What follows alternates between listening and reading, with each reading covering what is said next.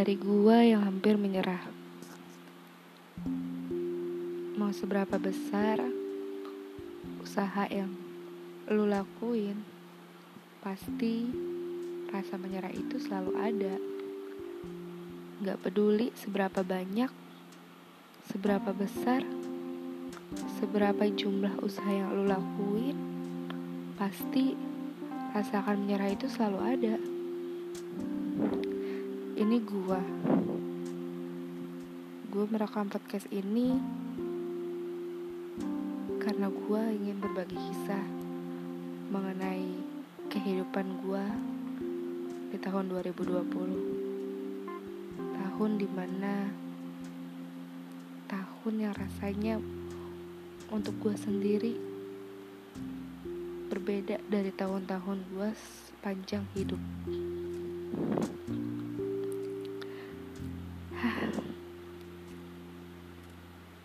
Gak kerasa ya, sebentar lagi tahun ini akan habis. Itu artinya kita akan memulai kehidupan baru di 2021. Bicara soal mimpi, mungkin udah banyak mimpi gua yang tertunda di tahun ini. Rasanya tahun ini adalah tahun titik terberat dalam hidup gua. Mungkin jika bisa digambarkan ini tuh seperti sebuah buku yang berat buku yang tebel yang meskipun gue udah tahu bukunya itu penuh dengan konflik. Buku itu penuh dengan diksi-diksi yang bikin gue sulit mengerti. Tapi gue harus tetap baca. Gue harus tetap cari tahu artinya dan gue harus dapat maknanya. Anyway, kalian apa kabar? Semoga kalian baik-baik aja ya. Jaga kesehatan. Karena yang lagi sakit pun pengen sehat. Seperti kondisi kita sekarang.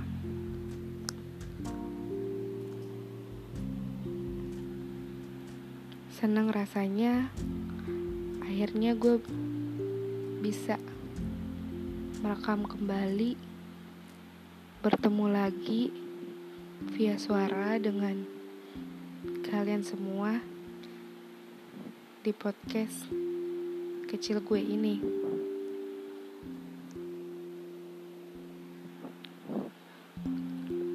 Gue merasa bersyukur akhirnya gue bisa bertemu kalian lagi melalui via suara. Karena jujur kondisi gue lagi bener-bener down banget.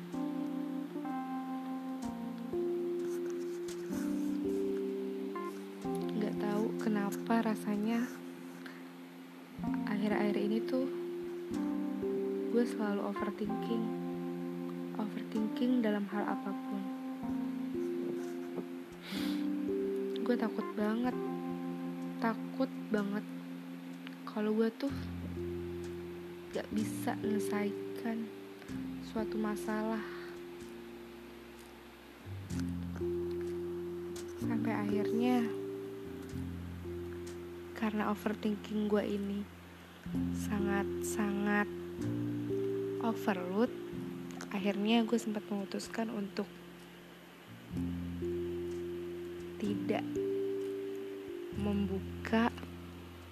sosial media.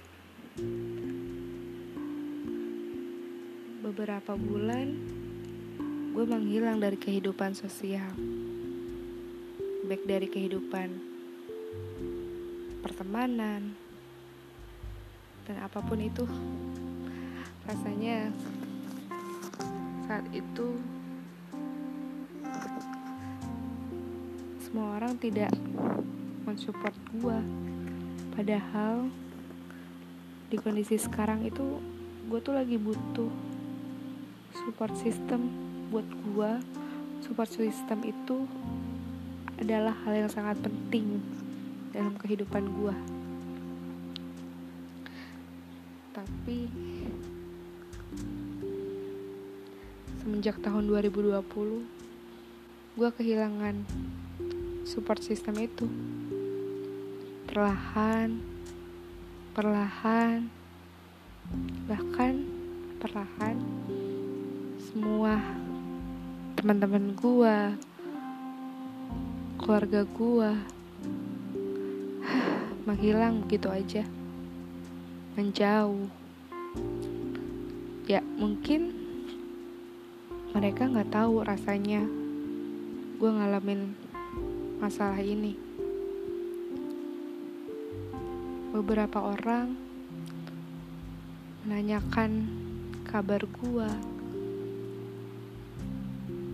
Tapi mungkin hanya sekedar kabar hanya sekedar mereka ingin tahu aja. Bukan mereka benar-benar untuk mengetahui kondisi gue yang sebenarnya gue bingung banget sebenarnya harus cerita dari mana.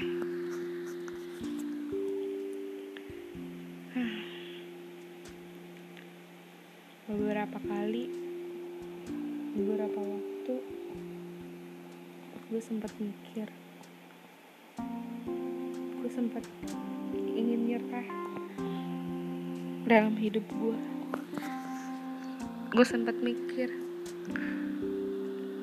Tuhan, kenapa kau memberikan ujian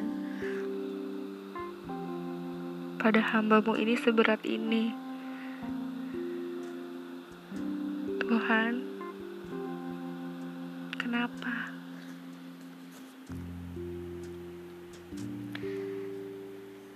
Sampai akhirnya gue bener-bener menghilang dari kehidupan sosial media gue tidak main Instagram gue tidak main WhatsApp gue tidak main Facebook atau apa pun aplikasi itu gue benar-benar tidak menggunakannya.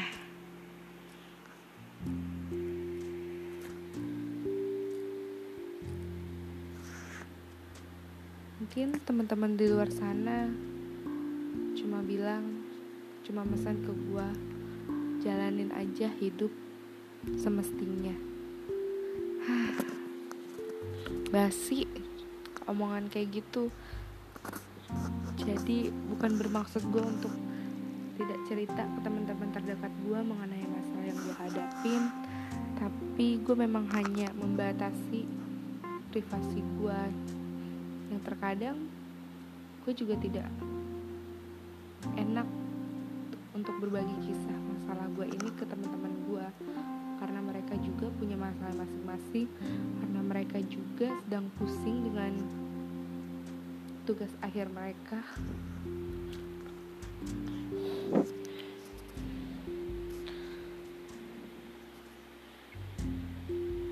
Gimana ya? Tapi sebenarnya mereka baik nanyain kabar gua ke rumah gua bersilaturahmi dengan gua. Tapi rasanya memang gue lagi nggak pengen ketemu untuk sekedar ngobrol dengan mereka. Karena tuh gue bener-bener nggak mau ketemu orang sampai akhirnya gue gue tuh sempet bingung. Gue harus gimana?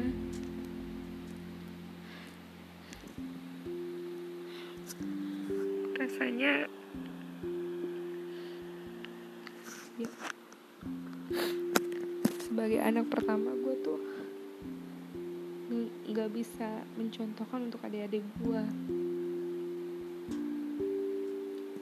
gue bingung saat itu gue harus cerita ke siapa karena gue tipe orang yang tidak bisa membagikan kisah sedih gue ke orang tua gue keluarga gue ke teman gue karena gue nggak mau mereka merasakan sedih juga gitu.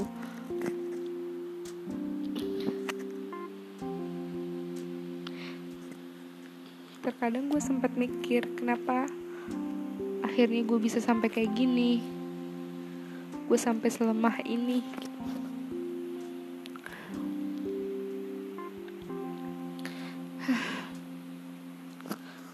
Gue nggak tahu lagi harus gimana rasanya. Tapi gue belajar banyak dari tahun ini. Terkadang orang yang tidak dekat dengan kita itu adalah orang yang bisa menghargai kita, mensupport kita.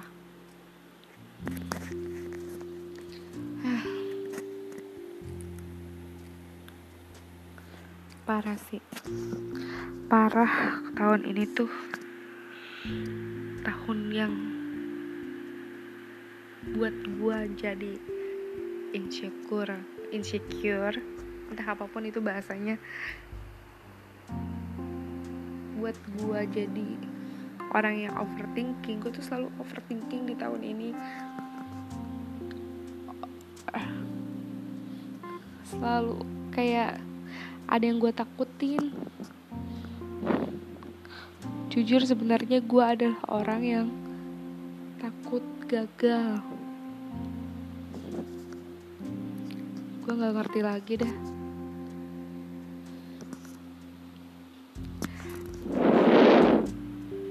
sampai akhirnya gue mencoba bangkit di situ. Gue men benar-benar menemukan siapa teman gue yang paling mensupport gue dan ternyata orang yang paling support gue adalah orang yang bukan ada di lingkup terdekat gue lu bisa bayangin gak sih gue nih. Lagi butuh support. Tapi orang-orang terdekat gue justru gue mensupport gue malah menjauh.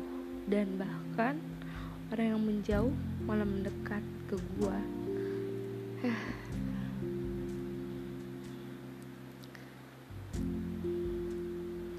orang tahunya tuh gue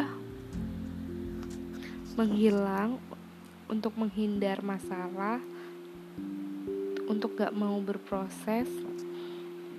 Padahal mereka salah. Gua menghilang. Bukan untuk dicari.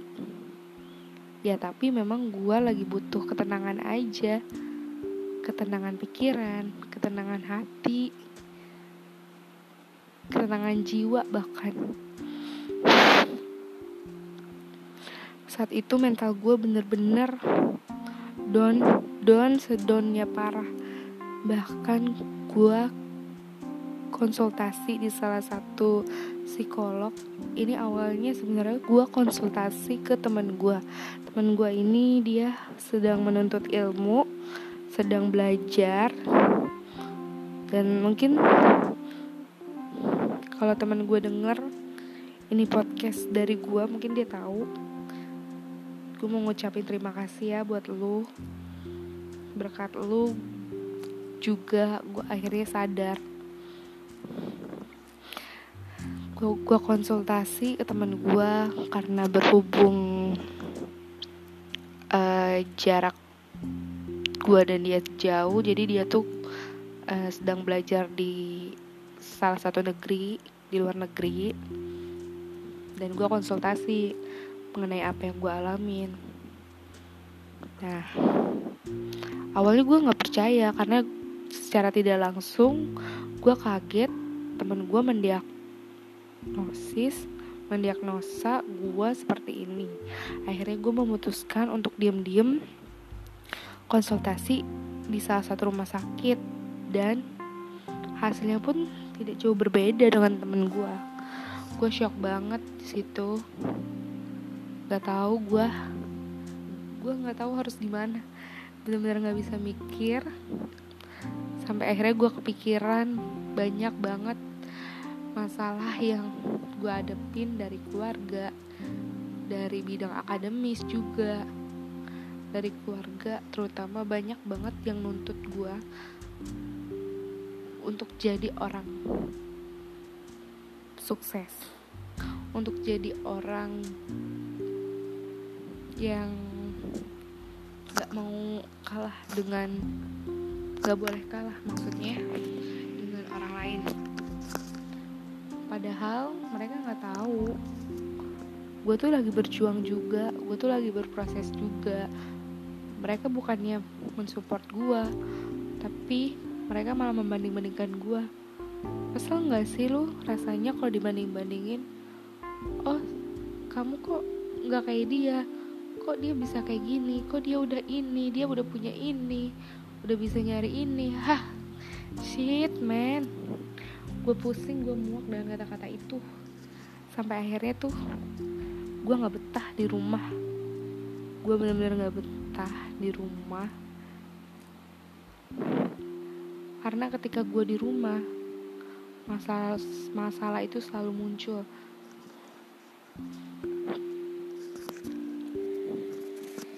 sebenarnya gue bingung banget ini mau sharing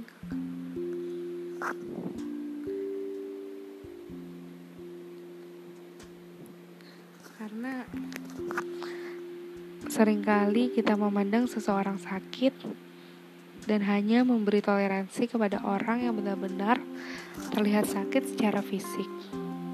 Bahkan terkadang ketika kita men ketika mental kita sedang gak baik-baik aja, bukannya ditenangin, malah semakin ditekan. Sedih ya. Padahal orang sehat fisik belum tentu sehat secara mental.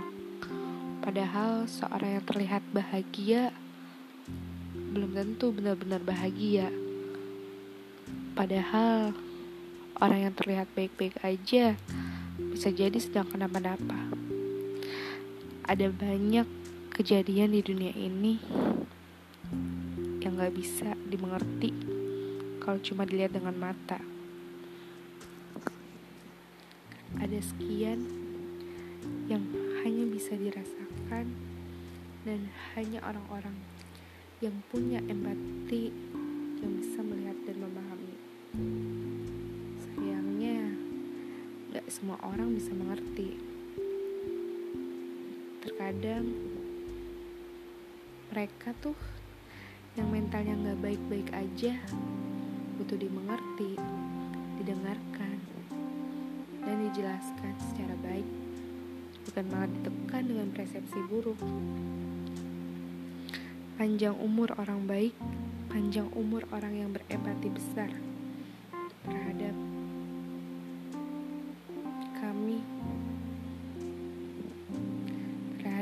kita yang sedang tidak baik-baik aja. Cukup sekian cerita dari saya. Sampai ketemu di episode selanjutnya. Selamat malam dan selamat istirahat.